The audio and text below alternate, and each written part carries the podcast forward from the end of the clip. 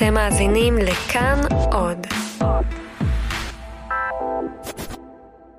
היי, אתם על חיות כיס, אני צליל אברהם, ואני שאול אמסטרדמסקי. ואחד הדברים שאנחנו הכי אוהבים בקבוצה שלנו בפייסבוק זה שכל הזמן שולחים לנו כל מיני שאלות.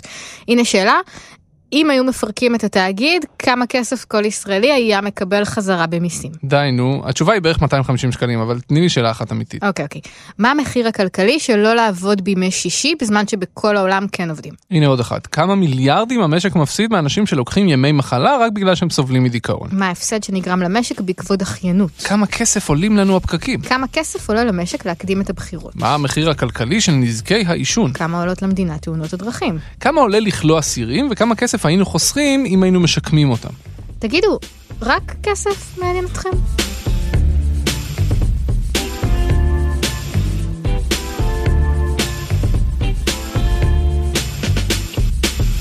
השבוע פגשנו מישהו שגרם לנו פתאום לעשות זום אאוט ולראות עד כמה אנחנו תופסים את העולם כמקום כלכלי, במיוחד אם עברנו את גיל 30. תחשבו על זה, הכל כלכלי. והתפיסה הזו כל כך טבעית לנו בשלב הזה, שזה יהיה מוזר מאוד לדמיין עולם שבו לא חושבים ככה. זה כמו שתנסו לדמיין את עצמכם בלי הדת שנולדתם אליה, או בלי השיוך הלאומי שנולדתם אליו. אותו דבר לגבי ההסתכלות הכלכלית על העולם שמלווה אותנו מרגע שנהיינו בוגרים. זה עובד במישור האישי, איזו קריירה כדאי לי לבחור, מה יכניס לי יותר כסף, איך אני מפרנס את המשפחה שלי, לשכור או לקנות, פרטי או ליסינג. אבל זה גם עובד במישור הציבורי. הטיעון המרכזי שמוביל החלטות מדיניות גדולות זה לא האם זה הדבר הנכון לעשות מבחינה מוסרית, אלא איך וכמה זה מועיל לכלכלה ולמשק. למה ללמוד חמש יחידות מתמטיקה? כדי שתלמידים יוכלו להשתלב בצורה טובה יותר בשוק העבודה ולהגדיל את הפריון. למה לבטל את שירות החובה? כי זה עולה 9 מיליארד שקל בשנה ופוגע בשוק העבודה. למה לטפל בבעיית הפקקים? כי זה גורם נזק למשק. והיום אנחנו רוצים לבדוק, האם ייתכן עולם שבו אנשים לא חושבים ככה? אז מסתבר שכן, בדיוק ככה זה היה פעם. אני חושב שההבדל הכי משמעותי בין כלכלן להיסטוריון, זה שכלכלנים בסופו של דבר חושבים שהעולם לא ממש השתנה. כלומר, אני יכול להסתכל על רומא העתיקה ועל היום, ובסופו של דבר, בגלל שהם רואים בעיקר את העולם דרך איזושהי מתודולוגיה אינדיבידואליסטית רציונלית, אז אנשים אותו דבר, אוקיי? כולם תמיד מקסמו את התועלות שלהם. זה דוקטור אלי קוק. אני אלי קוק, אני היסטוריון של הקפיטליזם האמריקאי, אני מרצה באוניברסיטת חיפה. זהו. אלי עשה דוקטורט במכון לחקר הקפיטליזם בהרווארד והוא עמית מלגת פולברייט וגם פרסם ספר שנקרא The Pricing of Progress, מחיר הקדמה. הספר הזה בסופו של דבר הוא נכתב לעולם טכנוקרטי של אנשים שמסתמכים קצת יותר מדי על מדדים ובארצות הברית יש חוק שרייגן הכניס האמת היא בשנות ה-80 שכמעט כל רגולציה בארצות הברית צריכה לעבור חישובי עלות תועלת כלומר צריך בסופו של דבר לתרגם הכל לכסף. נשמע כמו דבר טוב. אז הספר שלי מסביר למה הדברים האלה הם בעייתיים.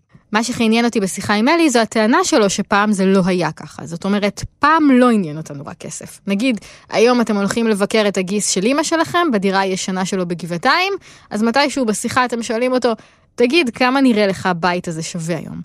ואם הייתם במאה ה-18 והייתם שואלים אותו את זה, הוא היה אומר לכם, מה? בדיוק. הרעיון הזה שאני מתחיל להסתכל על דברים לפי, נגיד היום, איך אני מעריך דירה, נכון? אני מסתכל על דירה ואני אומר, טוב, כמה כסף אני יכול לקבל כל שנה מהדירה הזאת בשכירות, נכון? הרעיון הזה הוא חדש.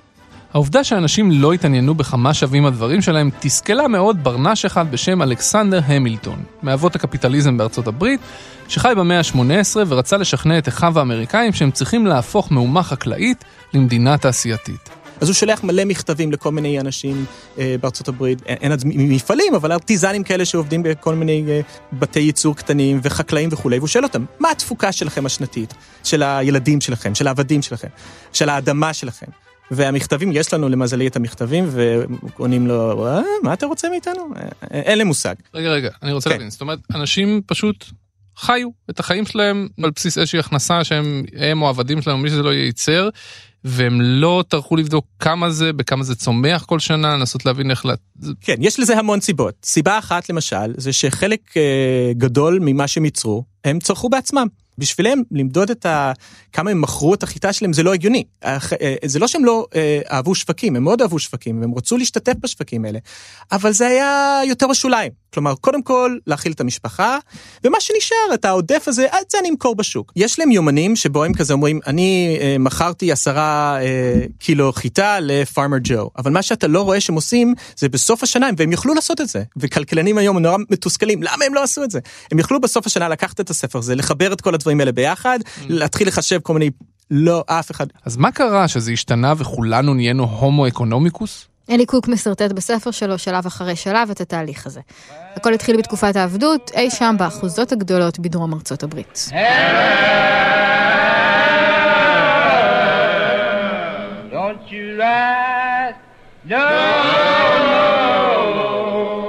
אנחנו מכירים את העבדות בארצות הברית בעיקר מסרטים וסדרות כמו 12 שנים של עבדות וג'אנגו, כשיש בעל אחוזה שיש לו מלא עבדים שמייצרים בשבילו דברים והוא מלכה אותם בשוט. אבל האמת שהעבדות התחילה לפני כן ונראתה אחרת. מה שבעצם קורה בתקופה הזו של המוקדמת של העבדות, זה שיש לך עבד בבית, הוא ממש לא כמו בן משפחה, למרות שהדרום תמיד מכרו את ה... אבל uh, הוא גם לא, הוא לא הון. בעבדות של הטבק, היו לי 20 עבדים, לא ממש אה, בדקתי מה הם עושים כל יום, שלחתי אותם אה, ככה לעשות קצת עבודות בבית, קצת עבודות בשדה, וזהו. עד תחילת המאה ה-19 עבדים לא היו הון נורא גדול. הם יותר נתפסו כסמל סטטוס. זה שהיו לך עבדים, זה מה שסימן אותך כאדם חופשי. אבל לא הרווחת מזה המון כסף, כי הם לא ייצרו הרבה. אלי קוק אומר שכבר בסוף המאה ה-18, 100 שנה לפני ביטול העבדות, היה דיבור חזק בארצות הברית על זה שבקרוב העבדות תסתיים, כי היא לא מוסרית. אולי זה אפילו היה קורה. אבל אז קרה משהו ששינה לחלוטין את פני ההיסטוריה, משהו כלכלי, והמשהו הזה קשור לכותנה.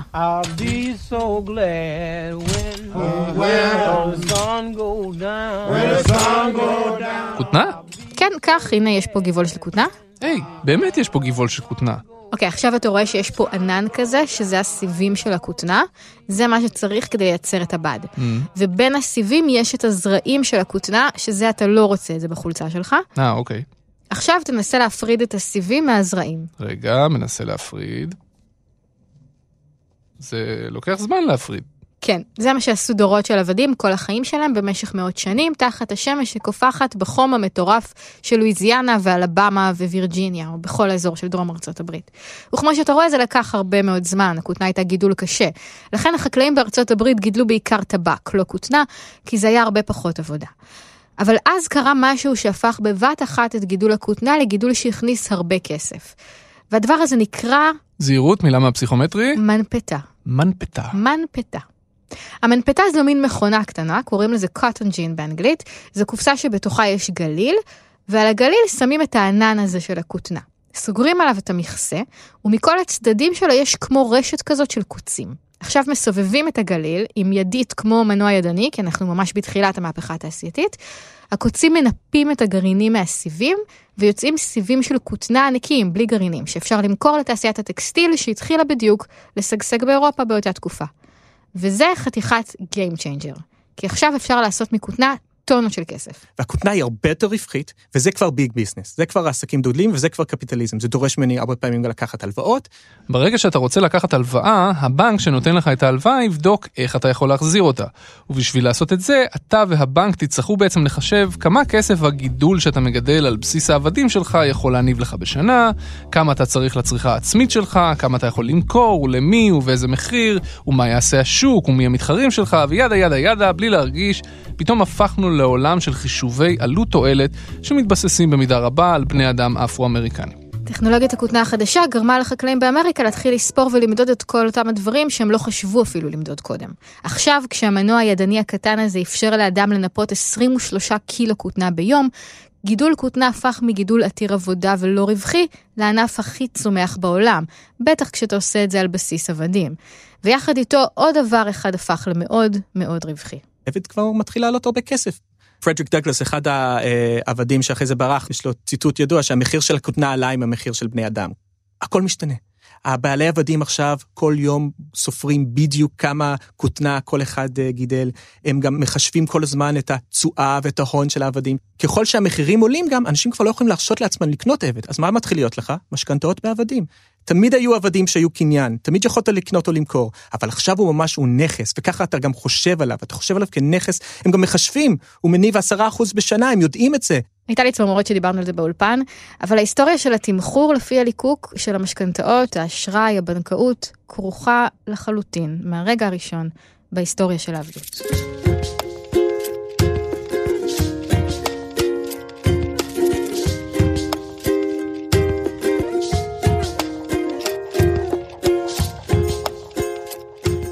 קצת אחרי שבעלי האחוזות האמריקאים למדו את הטריק הזה, החשיבה התחילה להשתנות להרבה יותר כלכלי. הדוגמה של העבדות ממחישה את זה היטב, אז בואו נמשיך לזרום איתה. בשביל להתנגד או לתמוך בעבדות אפשר להשתמש בכל מיני טיעונים. למשל, היו אנשים שהראו שהשחורים בצפון, היכן שלא הייתה עבדות, ידעו יותר קרוא וכתוב מאשר השחורים בדרום, ששם הם היו עבדים. וזה עבד אגב גם לצד השני, כשבמפקד האוכלוסין האמריקאי התברר שבצפון ארצות הברית יותר שחורים מאושפזים בבתי משוגעים מאשר בדרום, זה גרם לציבור לחשוב שאולי עבדות זה דווקא סבבה. אלי קורא למדדים האלה מדדים מוסריים. אבל לקראת מלחמת האזרחים, את מקומם של המדדים המוסריים האלה התחילו לתפוס כמעט אך ורק מדדים כלכליים. יש בחור, הינטון הלפר, שכותב ספר בצפון ב-1857, זה הופך להיות בסט סלר מטורף. זה גם הופך להיות אחד הספרים שמשכנע את האליטות בצפון, שאולי באמת העבדות זה רע וכדאי uh, לשים לזה סוף. ומה שהוא כותב, כל הספר הזה זה רק מדדים כלכליים. למשל, הוא משווה את הצפון והדרום, והוא אומר, בואו נסתכל מי בחקלאות, מה התפוקה החקלאית. והוא לוקח את החיטה שמגדלים מהצפון, והחיטה שמגדלים בדרום, וכותנה ודברים אחרים, והוא מחבר את הכל. ובעצם הלפר מגיע למסקנה שוב ושוב בספר שלו, עבדות זה רע לא בגלל שזה לא מוסרי, הוא לא הולך בכלל לטיעון המוסרי. הוא אומר, עבדות זה רע בגלל שזה לא יעיל. עבדות זה רע בגלל שדווקא אם היינו משחררים את כל האנשים האלה ומחזירים אותם כעובדים בשכר, הפריון שלהם היה עולה, התפוקה הייתה עולה. מאותו רגע טיעונים כלכליים הפכו להיות שם המשחק. אתה יזם שרוצה לשכנע בעל הון להשקיע בסלילת קו רכבת, תגיש דוח ובוא תכתוב כמה חקלאים גרים במחוז הזה, כמה בזה, כמה אדמה יש להם, כמה סחורה הם מייצרים בשנה, כמה ממנה הם ישלחו ברכבת שלך, כמה תרוויח מכל משלוח, איך הקו המהיר יגדיל את הביקוש, איך הביקוש יגרום להם לגדל יותר, ואיך התשואה שלך להשקעה תגדל עוד. אתה רוצה לאסור על שתיית אלכוהול בארצות הברית? מעולה. לא טיעונים דתיים או מוסריים יסגרו את העניין הזה, אלא הוכחה כלכלית שאנשים ששותים בעבודה פשוט לא מייצרים מספיק. אתה רוצה להעביר תוכנית להורדת תמותת תינוקות? חשב בבקשה כמה כסף התוכנית הזאת תחסוך, כי הרי כל תינוק שלא ימות, יהפוך להיות עובד וייצר עוד. ואיך יודעים כמה שווה תינוק מת? מחשבים. אז נגיד בתחילת המאה ה-20, יש כלכלן מאוד מפורסם, ארווינג פישר, שהוא מתמחר את התינוק האמריקאי הממוצע ב-90 דולר. זה היה מאוד זה פופולרי. זה אנקדוטה כאילו? זה... זה ממש לא אנקדוטה, okay. זה אוקיי. משהו שמופיע המון בתחילת המאה ה-20. בואו נסתכל על בני אדם, לא כבני אדם, בואו נסתכל עליהם כהון, כמעין מכונות קטנות אלה שמייצרים מזומנים. אז איך אני אחשב את הערך של בן אדם? מאוד פשוט, אני אחשוב, אסתכל קדימה על החיים שלו, ואני אחשוב, אוקיי, הוא הולך לייצר כל שנה ככה ככה כסף, אבל צריך גם לתת לו בגדים, אוכל וכולי, אז נוריד את העלויות האלה, ואז אני בעצם צריך להגיד, רגע, אבל כסף של מחר, נכון? אז אני צריך לעשות מה שנקרא באנגלית discounting, אני צריך אה, לחשב את זה לפי הריבית. ובעצם פישר עושה את כל החישובים האלה, והוא מגיע למסקנה שתינוק שווה 90 דולר בארצות הברית. וילד בן 10 שווה בערך 200 דולר, ומבוגר שווה בערך 1,000 דולר. אני רוצה להבין, הוא עושה את זה כשעשוע עם חברים שלו במועדון ה debate, או שהוא מפרסם לא, מאמר רציני? לא, מפרסם, זה בניו יורק טיימס. אגב, גם היום, לכולנו יש מחיר. נגיד, אה, היה סיפור מאוד גדול בארצות הברית, שאובמה העלה את המחיר של בן אדם מבערך 7 מיליון דולר תחת בוש ל-9 מיליון דולר, ובגלל זה כל מיני רגולציות נכנסו לתוקף שלא נכנסו קודם. אבל מדד התינוקות המתים הוא רק ההתחלה. המבוא. זה היה מה שבישר את בואו של מדד הקסם, אבי כל המדדים. המדד שלשמו כולנו התכנסנו פה, התמ"ג. תוצר מקומי גולמי, או באנגלית, GDP. התמ"ג נולד כמעט במקרה, מתוך שילוב של מצוקה חברתית, תעמולה פרטית וצורך ממשלתי. ב-1914 לרוקפלר היה תקרית אה, לא נעימה בשבילו. שבה היה שביתה באחד המכרות פחם שלו בקולורדו, ואז, לא כמו היום, הרבה פעמים המאבקים האלה הידרדרו לאלימות, ובסופו של דבר האנשים שלו והמשטרה והצבא שרפו את האוהלים של חלק מהעובדים ומתו איזה עשרות ילדים ונשים וכולי. והוא היה תחת מתקפה מאוד מאוד מאוד גדולה, ואוטורוטו כותב מכתבים למורגן ואנשים אחרים, ג'יי פי מורגן, הבנקאי הגדול באמריקה. תקשיבו, אנחנו חייבים לשנות את ההלך רוח, את ה-public opinion, ככה הם דיברו אז, זה בדיוק התחלה של לחשוב על דברים כאלה כמו public opinion. אלי מצטט בספר שלו את המכתבים שכתב רוקפלר הבן באותה תקופה ליועץ הכלכלי שלו ולג'יי פי מורגן. החקיקה וכן השיח הציבורי בעניינים עסקיים משתוללת. יזמות ותעשייה הפכו למטרות לחשד לא מוצדק. דעת הקהל חותרת תחת האינטרס הציבורי לרווחה ולאושר, יש צורך דחוף לדון בהנחת יסודות לחינוך שיטתי של הסנטימנט הציבורי בעניינים פיננסיים, כלכליים ותעשייתיים. אנחנו צריכים גוף שיספק מדדים אובייקטיביים, שיראה שבעצם התאגידים הגדולים האלה, והם הם שוב, הרבה פעמים המתקפה היא מתקפה נגד מונופולים, אנחנו צריכים להראות שבעצם אנחנו יכולים, אנחנו מספקים את הסחורה, שהרווחה גדלה, שהצמיחה גדלה. חמש שנים מאוחר יותר הם הקימו את ה-NBER, הלשכה הלאומית למחקר כלכלי, גוף פרטי במימון בעלי ההון הגדולים בארצות הברית. אני יודע שנשמע כמו איזה קונספירסי, זה לא קונספירסי, it's just capitalism. ב-1920 ה-NBER התחיל לפרסם נתונים על ההכנסה הלאומית בארצות הברית. ב-1925 למשל, הכלכלה האמריקאית הייתה שווה 325 מיליארד דולר, פי שלושה וחצי מצרפת, פי עשרה יותר מגרמניה. ב-1929, עם פרוץ השפל הגדול, משרד הכלכלה האמריקאי חשב איך להוציא את הכלכלה מהבוץ. בתור התחלה הוא חיפש נתונים, והנתונים היחידים היו נתונים של NBER, אותו גוף פרטי שהקימו רוקפלר ומורגן והחברים שלהם. אז הממשל האמריקאי אימץ את המדדים שלהם. וככה התפיסה הזו שהכל כלכלי וניתן לכימות כלכלי המריאה ממש. יש שפל כלכלי, אה, אמריקאים לא ממש יודעים איך לצאת מזה. הנרי הובר, הרברט הובר, סליחה, הוא היה הנשיא עד 32, הוא בעצם אה, מקים את ה-commerce department, אה, אפשר להגיד שזה דומה למשרד הכלכלה אצלנו. והם רוצים להתחיל באמת לחשוב על משהו שעד עכשיו לא ממש חשוב עליו, וזה הרעיון של the economy. אוקיי, המילה הזאת, the economy, איך אני מתרגם את זה? המשק, לא קיים בשפה האנושית עד שנות ה-30. אז סיימון קוזנץ יושב וממציא את ה-GDP בזמן השפל הגדול, בשנות ה-30, הוא מדד בעצם, הוא לוקח את כל האנשים בחברה, והוא מודד כמה מזומנים הם יצרו באותה שנה. זה נשמע מוכר? זה בדיוק אותם מדדים שהאלה שרצו למכור את הרכבת במאה ה-19, או האלה שהיו להם עבדים בתחילת, כלומר, במובן הזה, וזה כל הרעיון של הספר, אין פה איזה נוסחת פלא שקמה יום אחד. בעולם הפרטי, בעולם של הבעלי הון, כבר החישובים האלה רצים כבר עשרות שנים, אבל זה בעצם הרגע שבו גם המדינה נכנסת לסיפור הזה, ובעצם זה הופך להיות רגע שבו אנחנו מתחילים לדוד הכל בצמיחה.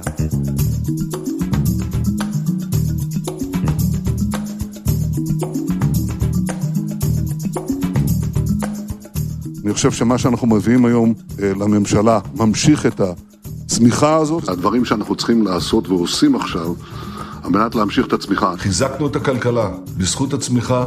אנחנו צמחנו בממוצע של 4.5, קרוב ל-5 אחוז. המדיניות הזאת שמייצרת צמיחה. שכל אזרחי ישראל ייהנו מהצמיחה הזאת. התמ"ג הוא חיבור של כל מה שאנחנו קונים, כל הכסף שהממשלה משקיעה וכל מה שאנחנו מייצרים ומוכרים למדינות אחרות, פחות מה שאנחנו מייבאים. היום, כמעט 100 שנה אחרי שהומצא, התמ"ג נוכח בחיים שלנו יותר מאי פעם. אבל למרות הדומיננטיות שלו, ולמרות שהוא מדד מאוד נוח לבדוק כמה המשק מייצר ולהשוות למדינות אחרות, התמ"ג לא מודד רווחה או איכות חיים. הוא לא יודע כמה טוב לנו בחיים או כמה אנחנו בלחץ או בדיכאון. יש כמה דוגמאות אהובות על מתנגדי התמ"ג. אם אתה מתגרש, מבחינת התמ"ג זה יכול להיות מדהים, כי במקום דירה אחת, המשפחה שלך עכשיו שוכרת שתיים. אם אתה הולך ברגל לעבודה, אתה לא תורם לתמ"ג, אבל אם אתה עומד בפקק ושורף דלק, מעולה. אם אתה עושה מדיטציה בבית לבד, לא טוב לתמ"ג, אם אתה מתמכר לתרופות הרגעה, מדהים. ואם כמה בעלי הון מרוויחים המון כסף, אבל העובדים שלהם עניים, התמ"ג לא רואה את זה.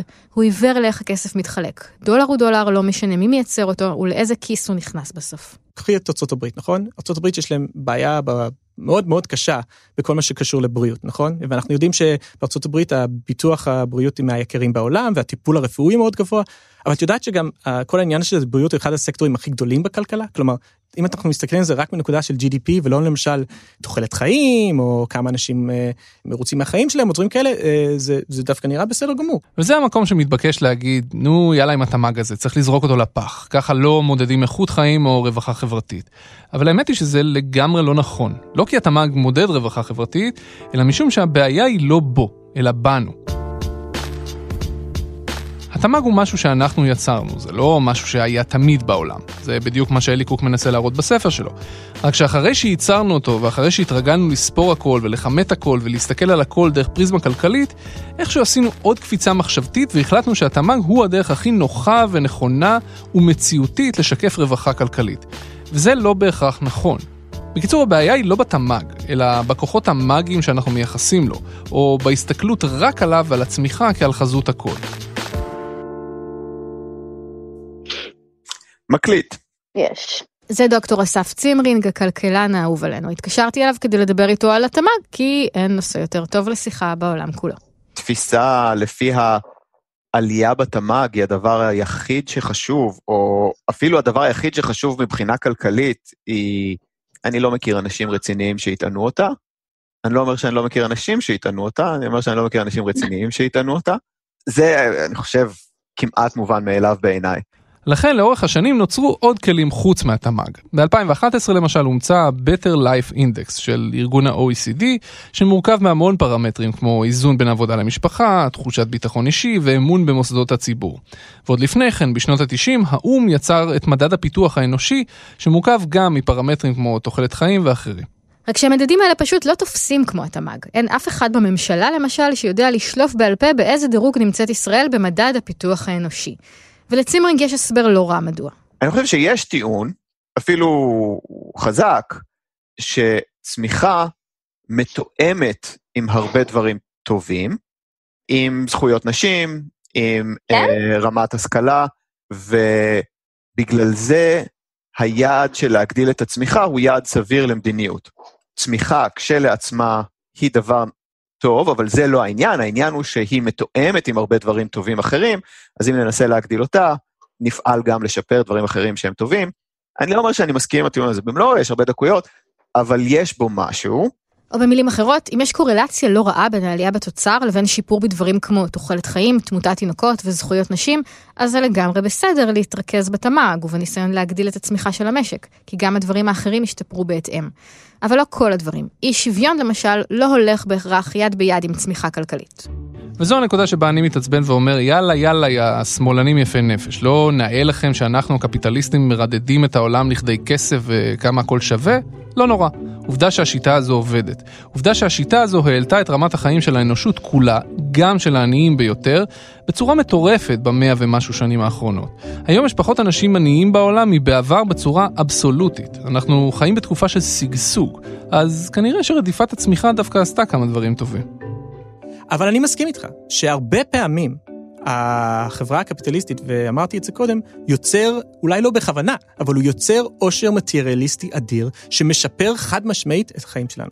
אבל אני חושב עכשיו בזמן האחרון על הספר של רוברט גורדון, שהוא כתב ספר, הוא כלכלן, והוא כתב ספר מאוד מעניין, שהוא בעצם אמר שהצמיחה של היום, ה-GDP של היום, הוא לא ה-GDP של אתמול.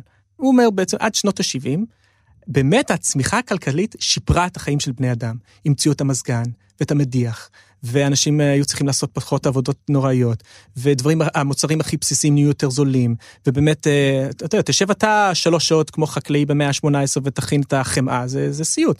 כלומר, במובן הזה, אין ספק. המתנה הכי גדולה שהקפיטליזם נתן לאנושות, זה במובן הזה. אבל הוא אומר, זה הוא, כלכלן, אגב, הוא לא יותר מדי שמאלני, הוא מאז שנות ה-70, ממש לא. מאז התשואה זה בנדל"ן, וזה בכל מיני משחקים של מניות, או שזה נמצא בכלל בטכנולוגיות שלא עשו כזאת קפיצה גדולה. הנושא הזה מעסיק הרבה כלכלנים ברחבי העולם בשנים האחרונות. הפריון של העובדים, כלומר כמה אנחנו מייצרים בשעת עבודה, נתקע. נסו לחשוב, מתי בפעם האחרונה מישהו המציא המצאה או גילה תגלית ששינו לחלוטין את היכולת שלנו לייצר דברים, לנוע בעולם, דברים מהסוג הזה. כלומר, זה לא שהאנושות הפסיקה להמציא דברים, אבל בשנים האחרונות המצאנו בעיקר שירותים חדשים שמאפשרים לנו לקחת אובר במקום מונית, כאלה מין. מתי מישהו המציא בפעם האחרונה את נורת החשמל, את הטלפון, את מנוע הקיטור, את המנפתה. את המנפתה?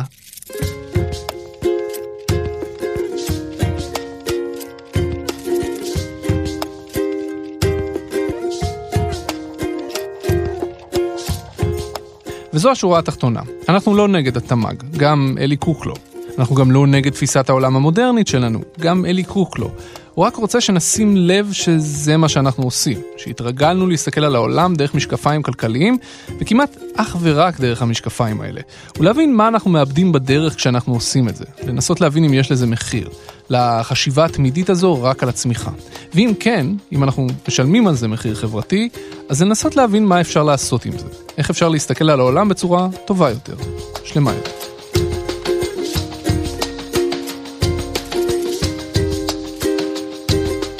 אנחנו היינו חיות כיס. אם אתם רוצים לדבר איתנו על תמ"ג או לשאול שאלות, אתם מוזמנים להצטרף לקבוצה שלנו בפייסבוק, קוראים לה חיות כיס. אם יש לכם שאלות על 4K, אל תיכנסו לקבוצה הזאת, תיכנסו לעמוד של כאן. אפשר לשמוע את כל הפרקים שלנו באפליקציית כאן אודי ובכל אפליקציית פודקאסטים ובאתר כאן. תודה רבה לעורך שלנו רום אטיק, תודה רבה לאסף רפפורט על הסאונד, תודה רבה שאול. תודה רבה צליל אברהם, ותודה רבה לכם שהאזנתם.